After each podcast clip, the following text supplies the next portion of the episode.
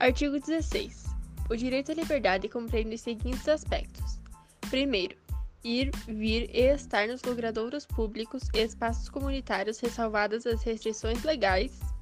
Segundo, opinião e expressão. Terceiro, crença e culto religioso. Quarto, brincar, praticar esportes e divertir-se. Quinto, participar da vida familiar e comunitária, sem discriminação. Sexto, participar da vida política na forma de lei. Sétimo, buscar refúgio, auxílio e orientação.